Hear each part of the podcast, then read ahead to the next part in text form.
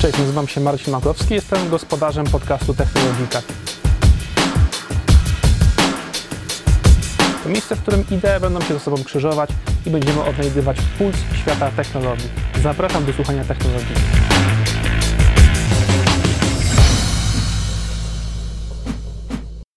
Cześć, witajcie w kolejnym odcinku Technologiki. Z tej strony Marcin Makowski. Moim i waszym gościem jest dzisiaj Lucy Szaszkiewicz, y, jedna z liderek i pionierek branży fintech w Polsce, ostatnio y, w domenie cyber security. Lucy jest y, CEO w firmie First Strike EO. To firma, która zajmuje się właśnie cyberbezpieczeństwem. Temat bardzo gorący w ostatnim czasie, zwłaszcza przez rewolucję generatywnej sztucznej inteligencji. Witaj Lucy w naszym podcaście. Cześć Marcin, dzięki za to zaproszenie. Jestem podekscytowana możliwością rozmowy z Tobą. No, słuchaj, to już się zaczęło wspaniale yy, i dajmy też część tej ekscytacji naszym słuchaczom, przekażmy energię, którą w, swojej działalności masz i, i to widać również w mediach społecznościowych. Jesteś osobą bardzo aktywną, y, uczestniczysz w bardzo wielu branżowych konferencjach, jesteś liderką tej branży. Y, ostatnio zostałaś zaproszona na stypendium IVLP do Stanów Zjednoczonych właśnie z tej domeny cyber security i powiedz mi, może od tego zacznijmy na początku, a potem przejdziemy do twojego doświadczenia w fintechu. Czy łatwo jest dzisiaj wybić się w tej branży? Bo ona teoretycznie jest bardzo e, obszerna, bardzo pojemna, zwłaszcza w dzisiejszych czasach, gdy wojna cybernetyczna nie jest już tylko filmów hollywoodzkich, ale czymś, w czym żyjemy. Dostęp do informacji jest powszechny, ale również wykradanie i używanie przeciwko nam. A więc, czy łatwo dzisiaj jest wejść do tego rynku, bo przecież ty taką drogę zawodową przeszłaś? Tu jest bardzo wiele pytań pod tym jednym, e, czy, czy łatwo. Hmm, ja w ogóle nie robię zbyt wiele rzeczy łatwych. Zajmuję się rzeczami co do zasady trudnymi, e, ale też e, promuję takie podejście, że no, mm, nic, co, co my jako ludzie robimy w mozole, czy w trudzie, czy rzeczy, których się uczymy, e, nie, nie przychodzą łatwo. No, pierwsze kroki na każdym polu na początku bywają skomplikowane, bo nie wiemy, jak tego jeszcze dokonać. I nawet moim dzieciom mówię, że wszystko jest trudne, dopóki nie stanie się łatwe łatwe i że najważniejsze to, jeżeli coś jest zgodne z nami, z naszymi przekonaniami, zgodne z naszymi zainteresowaniami, albo po prostu z otwartością na to, co życie przynosi, bo nie spodziewam się, że na przykład nastolatkowie, którzy teraz zdawali matury, wiedzą, co chcą robić. E, nie wiedzieć też jest całkiem okej, okay, ale szukać odpowiedzi, szukać rozwiązań, e, to jest metoda, którą ja od wielu lat praktykuję. E, I potem decydowania, czy za czymś podążamy, czy nie. Więc jeżeli mnie pytasz o to, czy łatwo było wejść na przykład na ścieżkę fintechów, czy ścieżkę nowych technologii, to dziś odpowiedziałabym, że dość łatwo.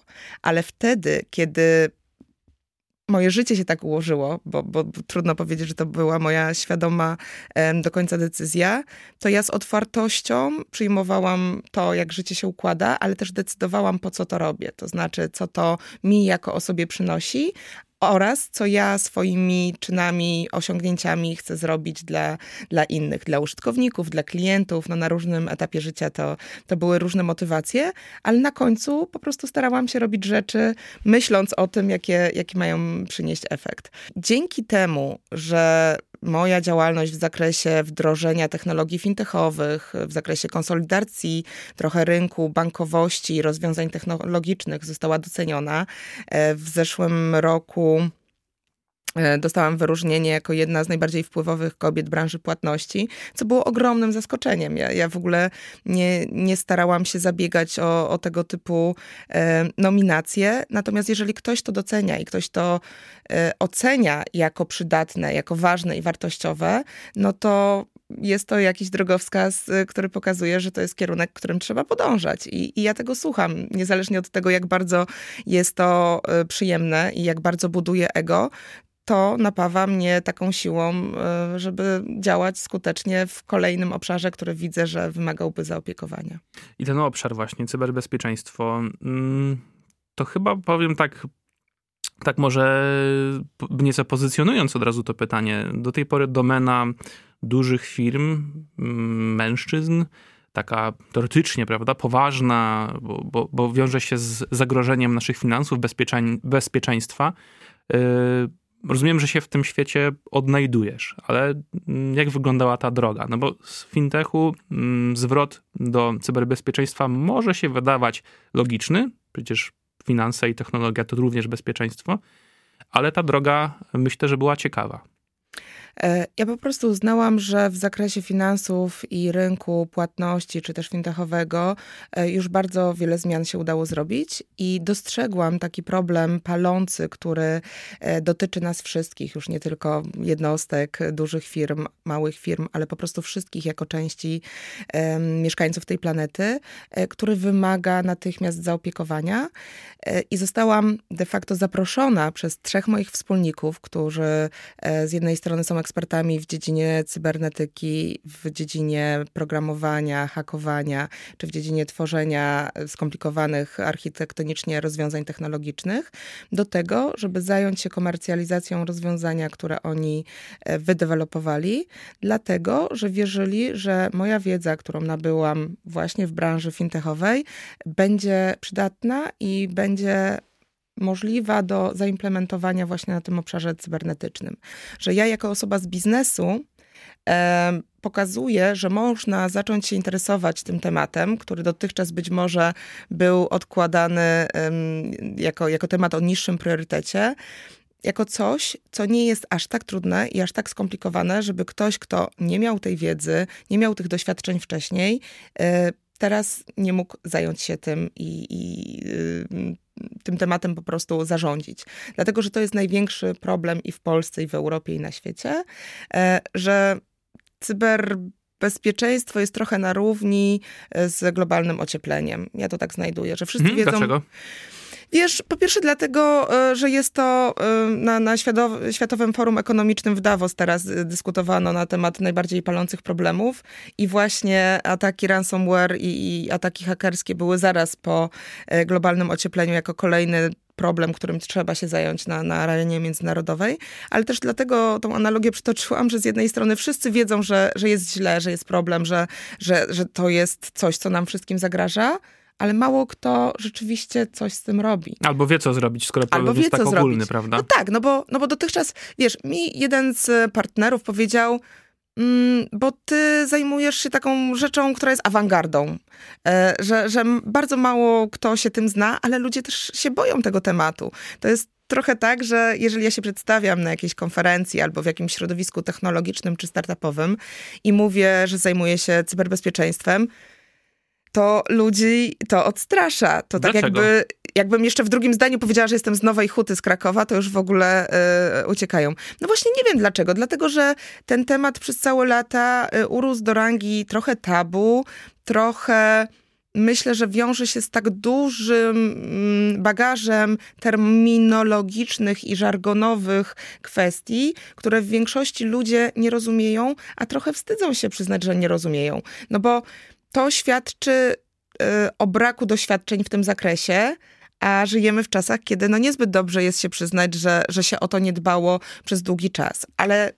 No tak, zwłaszcza gdy obserwujemy na przykład no, takie historie jak wyciek maili ze skrzynek rządowych, a potem jakiś haseł do domen mm, rządowych mm, serwerów, portali, które nawet po kilku latach nadal działają. No więc jeżeli my tak globalnie, znaczy globalnie, globalnie w sensie ogólnokrajowym, prawda, pewnie też europejskim, światowym, ale jeżeli nawet na takim poziomie Mm, oficjalnym mamy problem, jesteśmy na bakier z, nie wiem, dwustopniowym uwierzytelnianiem wiadomości, e, e, loginów e, do, do, do naszych serwisów. Teraz ostatnio ogromny wyciek milionów haseł mm, globalny można na stronie akurat y, Ministerstwa Cyfryzacji sprawdzić, czy nasze, y, nasze dane też tam wyciekły, ale to jest coś takiego, że skoro nawet ta góra przysłowiowa ma z tym problemy, no to co tacy my, szarzy ludzie, prawda? To lepiej się tym nie zajmować, nie tykać. Jak mają wykraść, to i tak wykradną. Czy myślisz, że czasami jest taki imposybilizm w myśleniu o cyberbezpieczeństwie, że to jest tak właśnie jak globalne ocieplenie, takie skomplikowane, trudne, ogólne, że no jak nas okradną, no to w sumie nie mamy na to wpływu. Trochę tak, ale no, żeby skanalizować to jakoś konstruktywnie i nadać temu jednak jakiś sens, to to, co myśmy zauważyli, to to, że każdy ma problem. I to niezależnie, czy firma, organizacja, czy nawet rząd ma zespół specjalistów, czy ma tylko jednego człowieka, przysłowiowego IT guy, czy ma firmę, e, której zleca na zewnątrz takie usługi, to nikt nie czuje się komfortowo z tym tematem. Jesteśmy po prostu, jakby porównać technologię do medycyny, to my jesteśmy dentystą, jeżeli chodzi o cybersecurity. Po prostu nikt to nie, dobre porównanie. Tak, nikt nie lubi tego tematu i, i, i my mamy chyba takie trzy cele jako firma. Z jednej strony mhm. pokazać, że to wcale nie musi być taki ciężki temat, że po prostu trzeba zacząć. Ja mówię, ok, jestem Lucy, nie znam się na tym, weszłam do tego tematu, bo uważam, że to jest ważne, że jest czas się z nim zmierzyć, bo po prostu jesteśmy w obliczu kolejnej pandemii, która e, całkiem niebawem nas dosięgnie i kolejna wojna wcale się nie będzie rozgrywać na arenie um, atomowej, tylko, tylko właśnie w internecie, bo to jest po prostu dużo mniej kosztowne i dużo łatwiejsze. E, I trzeba tym tematem się zająć i więcej nie odwracać głowy. Okej, okay, nie było narzędzi, e, więc trzeba zadbać o to, żeby te narzędzie znaleźć, żeby je wydevelopować, żeby po prostu dostarczyć te elementy, które są brakujące. Ale to, co na końcu jest najważniejsze w tym wszystkim, to musi być jakiś proces, musi być jakaś metodyka, żeby pokazać ludziom, którędy mają podążać, żeby to stało się łatwe, żeby nie musieli się zastanawiać, żeby nie musieli e, się borykać z tą trudnością, tylko żeby to stało się oczywiste i przyjemne, jak ze zmianą nawyku.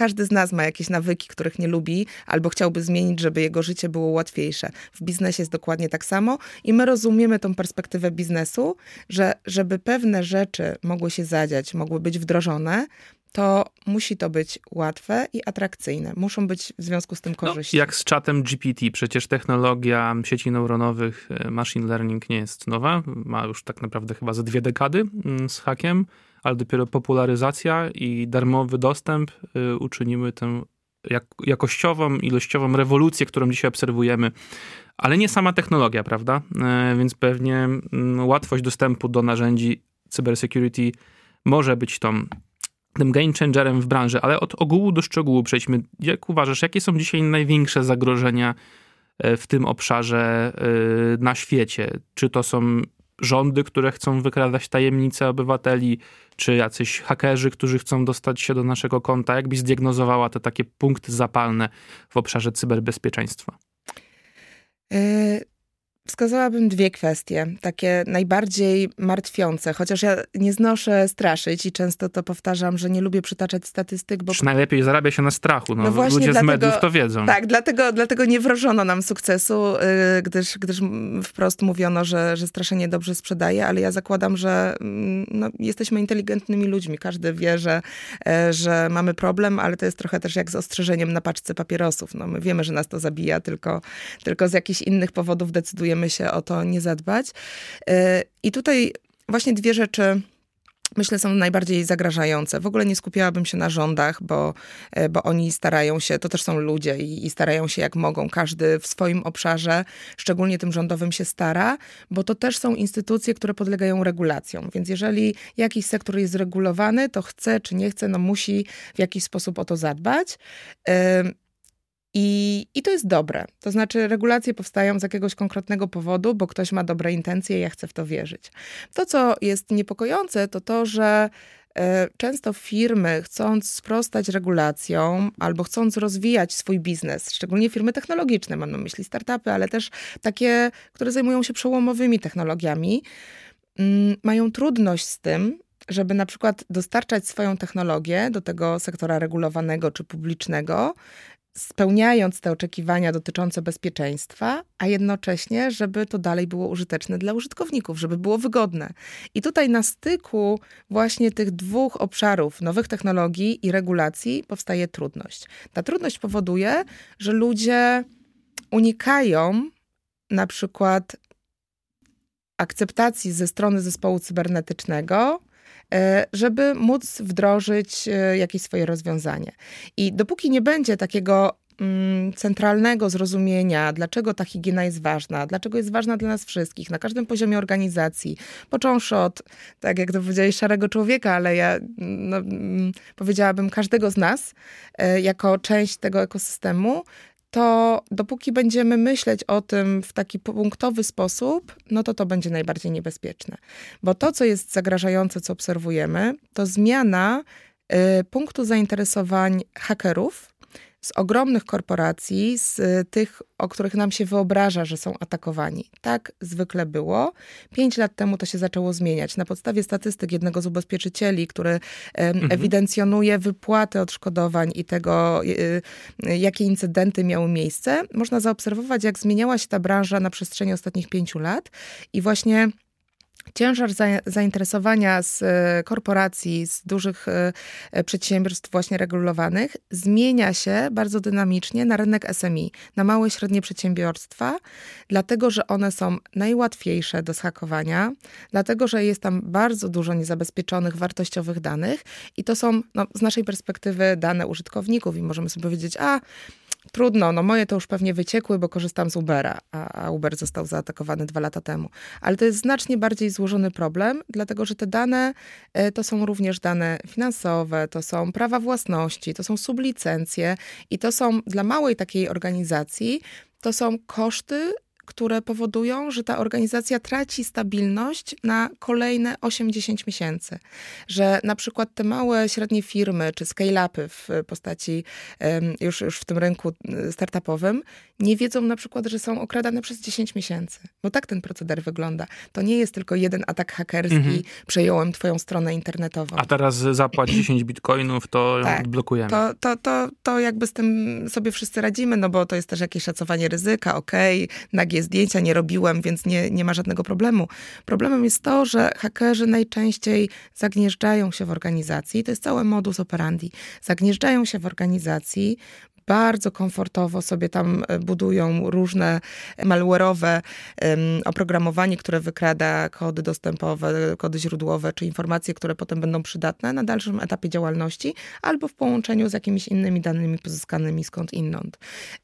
I to nigdy nie było łatwiejsze, nigdy nie było tańsze, dlatego że no, po pandemii, ale trzeba sobie powiedzieć szczerze, w pandemii nie byliśmy gotowi na migrację naszych procesów, mam nadzieję, mam, mam na myśli jako gospodarka, na migrację tak szybko rzeczy, które byliśmy zmuszeni Danych migrować. medycznych, finansowych, Dokładnie. wszystkich rzeczy, które robi firma, przeniesienie wszystkiego do chmury, prawda? Dokładnie. Czasami wystarczy jedną chmurę schakować mm, i ma się pół danych, które firma gromadzi. Na przykład. I to jest super easy.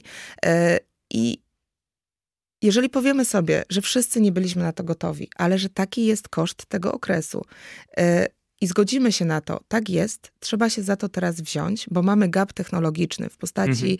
E, na przykład niezabezpieczonej infrastruktury, bo przygotowywaliśmy ją bardzo szybko, w ekstremalnych warunkach, w trudnych warunkach, no to teraz jest ten czas, żeby się temu przyjrzeć. I to, co jest ważne, to to, że mówienie o tym, że na przykład okej, okay, ale myśmy robili pentesty w tym roku, kolejne będą za rok, no to jest trochę jak powiedzenie, ja w tym tygodniu już myłem ręce i mam z głowy na miesiąc. Tak to dalej nie może działać, no bo to nie jest higiena, która, która jest wystarczająca do tego, żeby zabezpieczyć swoją firmę czy, czy organizację. E, I to też nie jest higiena, która wystarcza dla nas jako ludzi. To jest coś, o co ciągle trzeba dbać i budować te kompetencje wewnątrz firmy czy wewnątrz organizacji. No dobrze, Lucy, ale za, za załóżmy, że jestem takim smurfem marudą, nie? Mhm. I przychodzę do ciebie i mówię, no jestem takim przedstawicielem małej firmy. I mówię sobie tak, y, a po co ja będę płacił na jakieś tam zabezpieczenia i wasz audyt, skoro istnieją takie narzędzia jak Pegasus, jak ktoś chce i ma środki, to może podobnymi zapewne wszystko wszędzie naraz wykraść, wejść mi do telefonu. Jak się przebije przez te dwustopniowe zabezpieczenie, no to i tak nic nie zrobię, to po co w ogóle się starać, nie? To taka, wiesz, defetystyczna wersja Janusza biznesu, który mówi, no mnie nie stać na te zabezpieczenia. To co ty na przykład odpowiadasz w takiej sytuacji? Yy, jakby okej, okay, to jest wyborem każdego z nas i odpowiedzialnością każdego z nas. Myślę, że jeżeli taka firma współpracuje z jakimiś dużymi organizacjami, to to zostanie trochę na niej wymuszone, ale to jest trochę tak, jak powiedzieć sobie, no wszyscy umrzemy, więc ja jestem gotowy y, zabrać mnie w każdym momencie. Yy, więc z jednej strony moją rolą nie jest namawiać i przekonywać kogoś, kogoś, kto uważa, że, że nie potrzebuje. Jeżeli korzysta z innych narzędzi, to to jest wyśmienicie, to jest świetnie. Cieszę się, jeżeli ktoś już ma um, takie poczucie, że, że jest to u niego dobrze zorganizowane i zabezpieczone, no to świetnie.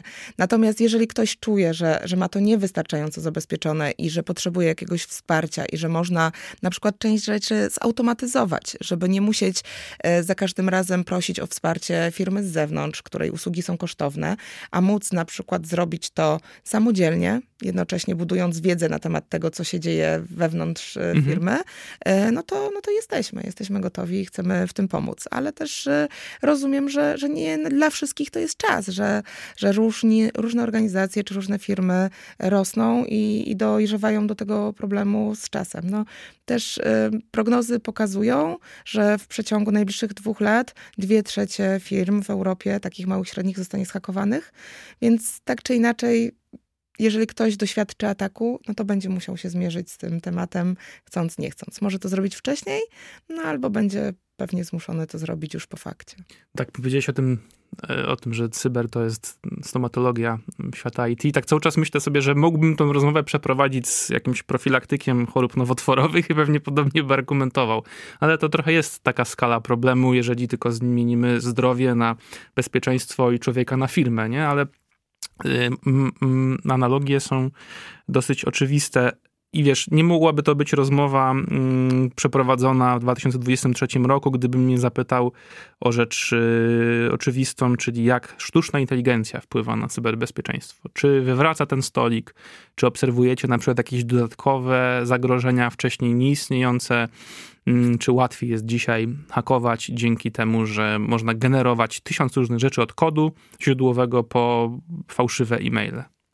Myślę, że zadając to pytanie już sobie e, niejako odpowiedziałeś i oczywiście, że tak, jest łatwiej, wszystko jest łatwiejsze. A wiesz co, pytam, bo to mhm. wcale nie jest takie oczywiste, bo gdy rozmawiałem mhm. E, z Piotrem Koniecznym e, z Niebezpiecznika, to on powiedział, że w sumie to trochę wyolbrzymiamy to zagrożenie, ponieważ i tak głównym tym mhm. najsłabszym ogniwem jest nasza psychika. I czy to zrobimy ze sztuczną inteligencją, czy z tą ludzką, to i tak generalnie człowiek zawsze był dosyć łatwy do szukania. I on na przykład bagatelizował y, ten wpływ. Uważa, że tak jak było niebezpiecznie, tak jest. Może masz inne zdanie. Mm, zgodzę się z Piotrem e, co do tego, że najsłabszym ogniwem jest jednak psychika e, i to zawsze jest trochę u ludziach.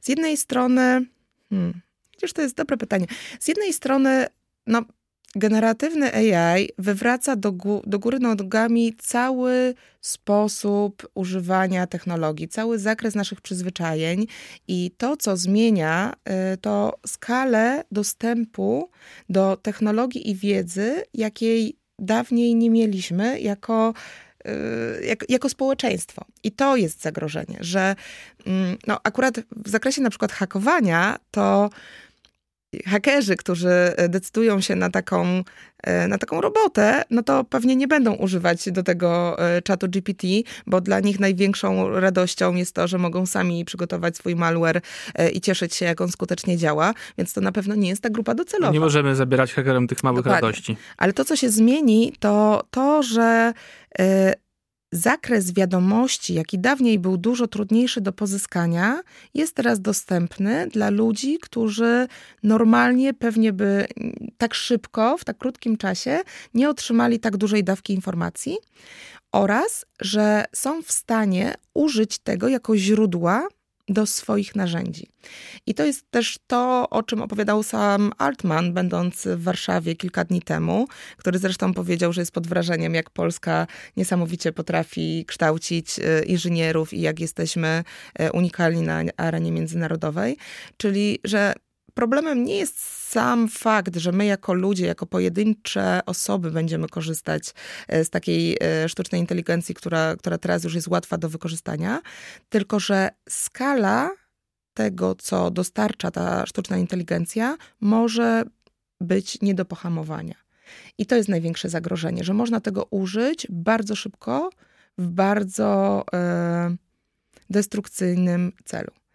E, I my akurat jako, jako firma dostrzegamy w tym dużą szansę, no bo to też stwarza takie możliwości, żeby dla ludzi, którzy dotychczas nie, nie mieli wystarczającego poziomu zrozumienia tematu cybernetycznego, e, dostarczyć wiedzę w sposób skondensowany, w taki, jaki oni e, przywykli to otrzymywać. Czyli możemy zmapować wyniki z naszego systemu, które są techniczne e, i podać w konsumowalny dla kogoś z biznesu sposób, bardzo tanio i szybko.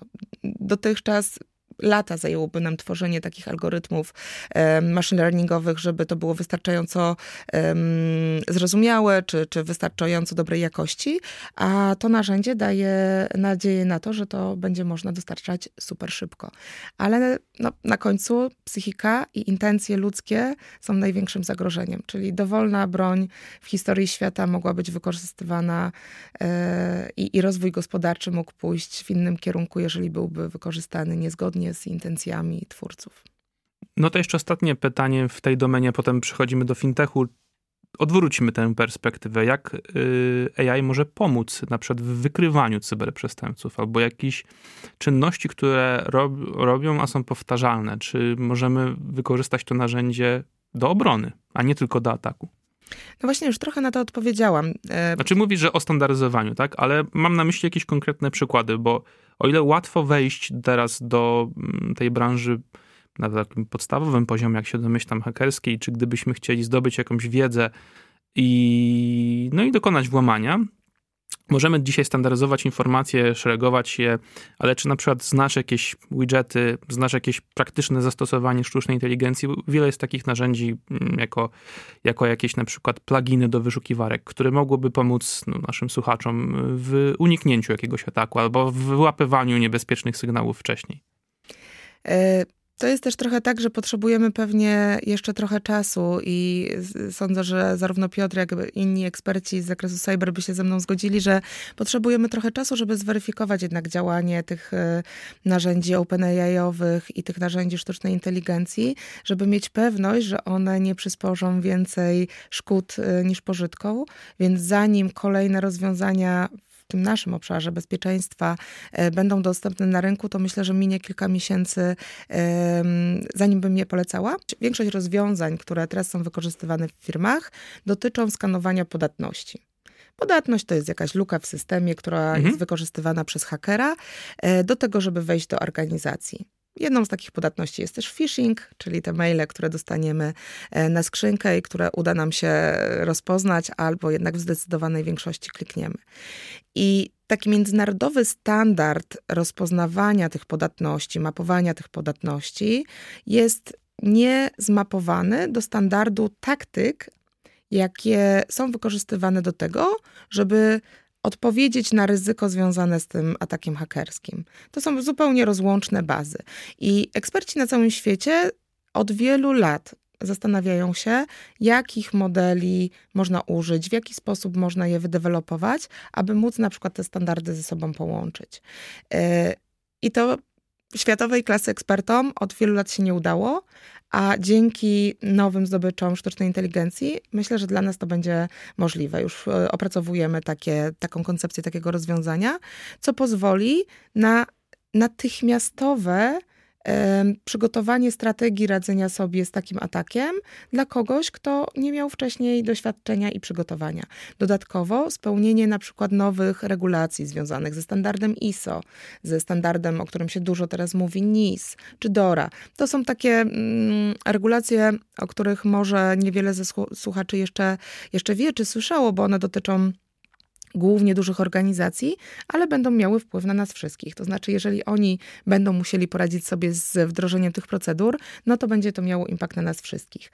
I jeżeli będziemy w stanie na przykład mapować, jak to, co teraz mamy w swojej infrastrukturze, mm, ma odzwierciedlenie z ogólnoświatowymi standardami, szybko, natychmiast, bez wielomiesięcznych audytów, bez wielomiesięcznych procesów, które angażują na przykład kilkanaście osób w firmie, żeby sprawdzić, czy tutaj się wpisujemy w tą dyrektywę, czy wpisujemy się w tą rekomendację, a będziemy to mogli sprawdzać ciągle cyklicznie, mimo że organizacja się zmienia, mimo że doświadcza zmian gospodarczych, mimo że przecież ich mhm. biznes mhm. się rozwija, to to jest coś, co wygląda na korzyść, które, do, do, do, której warto jest zmierzać, używając takich, e, takich technologii jak e, sztuczna inteligencja.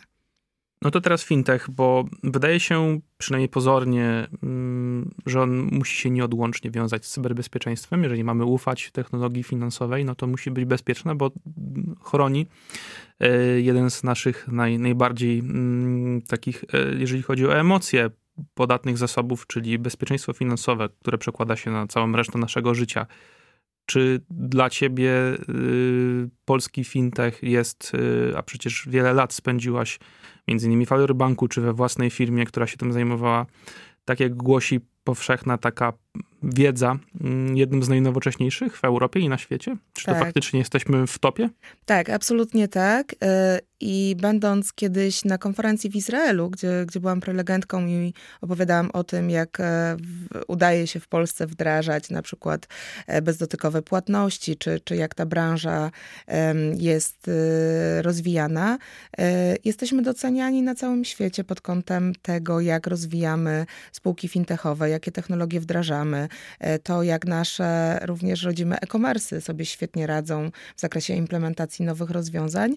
I eksperci, którzy mają wpływ na to, jak te narzędzia są tworzone, są cenione, cenieni na całym świecie.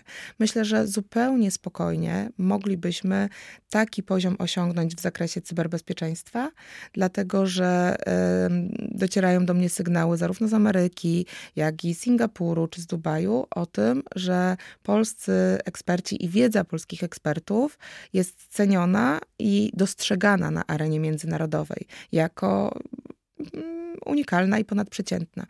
E, więc jak myślę o tym, czy, czy Polska na przykład ma szansę wybić się na arenie międzynarodowej w zakresie takich te technologii, które dotyczą, no, no zobacz, ile już osiągnęliśmy. OpenAI i, i stworzony ChatGPT przy udziale polskich inżynierów e, w zakresie fintechów e, jest cała rzesza przykładów, które już osiągnęły sukces, ale też po prostu startupów. Nie wiem, na ile mogę tutaj wymieniać nazwy, ale z podziwem patrzę, jak e, polscy przedsiębiorcy odnoszą sukces na arenie międzynarodowej, w ogóle nie myśląc o tym, że, że mają jakieś braki.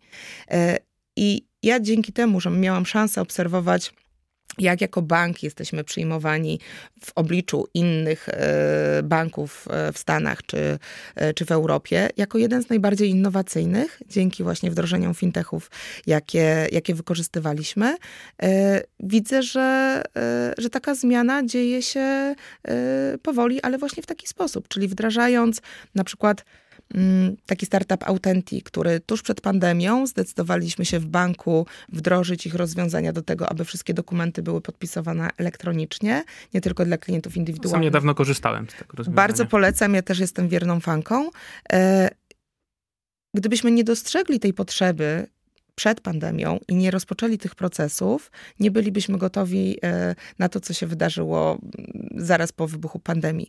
Ale właśnie takie małe elementy i to, że ktoś dostrzega potrzebę wcześniej, powodują, że pewne organizacje są gotowe e, na taką no, niekorzystną zmianę czy jakiś disaster, który nadchodzi.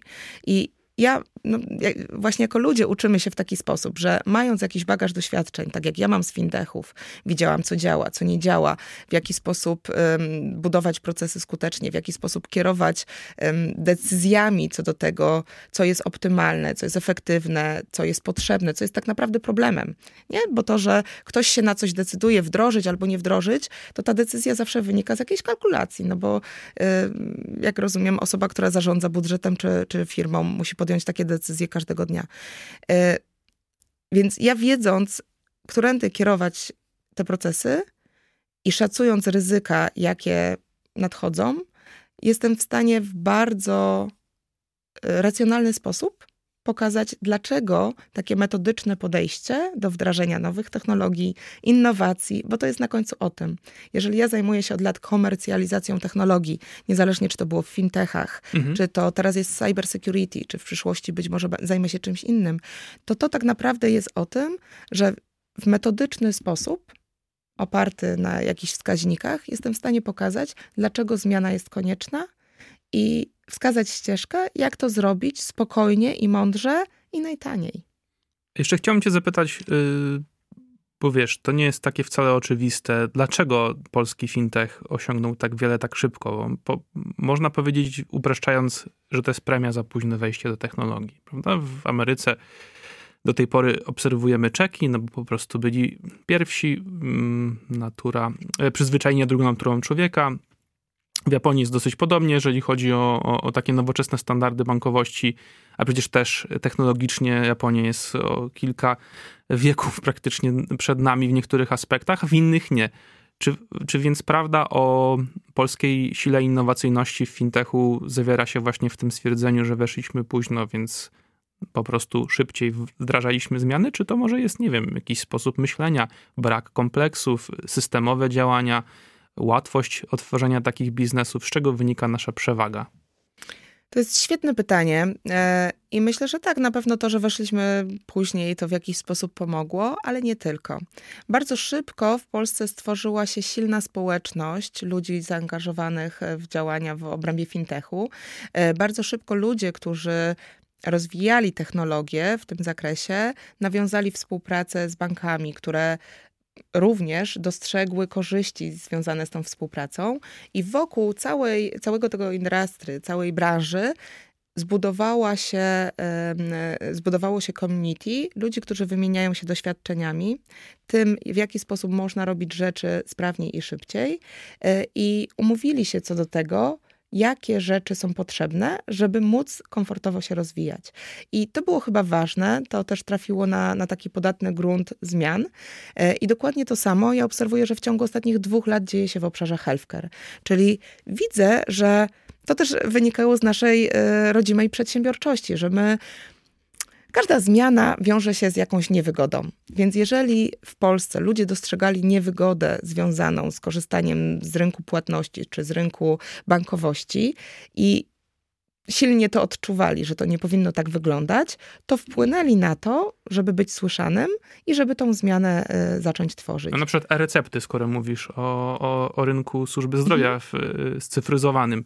Rzecz w Niemczech na przykład nie, nie do pomyślenia, zupełnie. Tak. Tak, i to, jest, i to jest fantastyczne, bo my będąc tutaj w Polsce e, często nie widzimy tych zmian, nie doceniamy tych zmian, e, a one są dla mnie bardzo widoczne, bo wszędzie do innego kraju, gdzie jadę, to nie mogę się nadziwić, że jak to możliwe, że, że to jeszcze nie zostało zaimplementowane. I dla nas to, co już jest oczywistością, dla wielu jest e, jeszcze wciąż w sferze nawet nie planów, a marzeń. I Udało się to zrobić, bo byli silni ludzie, silni liderzy, którzy zgodzili się na to też, żeby być early adopterami, czyli zgodzili się na przyjęcie jakiejś technologii, wiedząc, że ona nie jest jeszcze być może dogrzana, nie jest gotowa, ale już jest prototypem, który warto przetestować po to, żeby ją wspierać w rozwoju, po to, żeby ona była gotowa enough do tego, żeby y, zmienić w przyszłości świat czy branżę. Zobacz, jaka nam się tutaj mhm. fajna historia tak na koniec naszej rozmowy otwiera. Mm i tak się też zastanawiam, dlaczego nie korzystamy z, z tej przewagi konkurencyjnej. Przecież Polska oczywiście ma taką opinię kraju, gdzie jest dobry gaming, tak? E, oczywiście za sprawą Wiedźmina, czy, te, czy też Techlandu, ale nie mamy nadal takiej marki, jaką ma na przykład już wspomniany Izrael, czyli Startup Nation, a przecież nie mamy chyba specjalnie czego się wstydzić.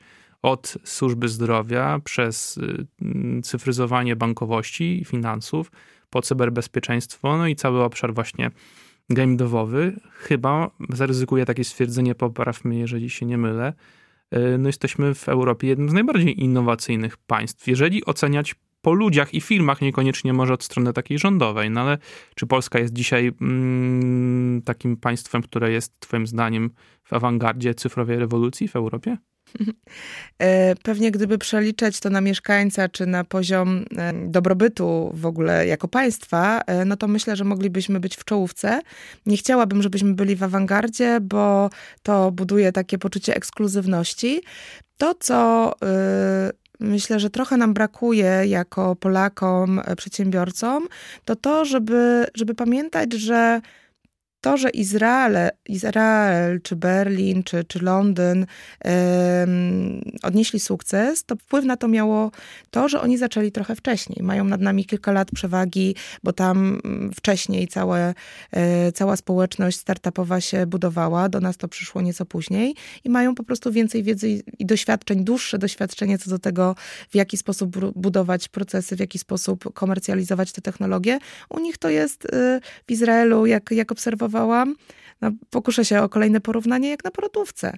No to jest po prostu kolejny case, który dokładnie wiedzą, w jaki sposób obsłużyć, w jaki sposób wyposażyć w niezbędne narzędzia, żeby odniósł sukces. I to jest taśma, gdzie na każdym etapie takiego lejka, gdybyś sobie wyobraził, jest bardzo łatwy poziom kwalifikacji. Spełnia wymagania, nie spełnia, co jest potrzebne, e, żeby, żeby taka firma odniosła sukces, co jest, e, już nie daje nadziei i odcinamy.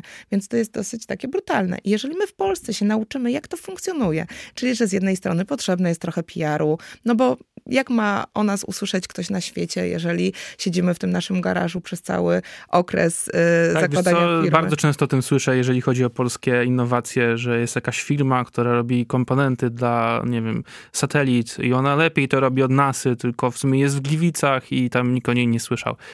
Taki powtarzalny się leitmotiv, nie? Czyli żeby być powtarzalnym w innowacjach, co brzmi trochę jak oksymoron, no, potrzebujemy metodologii, prawda? I to jest być może to, co nas na razie jeszcze trzyma w, przed tym, żeby naprawdę iść do przodu.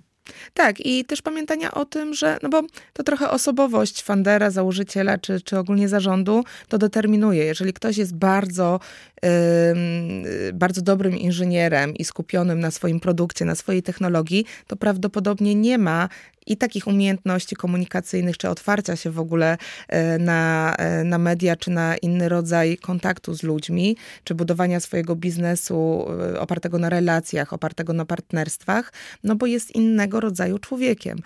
Dlatego też wiedząc o tym, można budować firmę, uzupełniając swoje kompetencje o te, które, e, które, których brakuje nam. Tylko też wtedy trzeba sobie jasno przyznać. Ja się na tym nie znam, to nie jest mój obszar specjalizacji, ale mogę albo się poznać, nauczyć i dowiedzieć, albo mogę do tego zatrudnić ludzi, albo znaleźć wspólnika, który ten obszar w jakiś sposób mi obsłuży. I wszystko jest ok, tylko no, nie ma co odwracać głowy i udawać, że tak nie jest. To jest konkretna metodologia prowadzenia firmy, robienia e, startupu, czy też wdrażania innowacji. No i takim optymistycznym akcentem jednak o tym, że możemy, jeżeli nauczymy się, dodamy do tego szczyptę PR-u e, i mamy czym się pochwalić, jeżeli chodzi o polskich przedsiębiorców i polskie startupy. E, dziękuję Ci, Lucy, za udział e, w podcaście Technologika. Jeszcze raz przypominam, gościem dzisiejszego odcinka była Lucy Szaszkiewicz, CEO w firmie First Strike. Dziękuję za udział w rozmowie. Dziękuję Marcin. Bardzo się cieszę, że mogliśmy tak spędzić ten poranek. Do usłyszenia za dwa tygodnie. Do usłyszenia.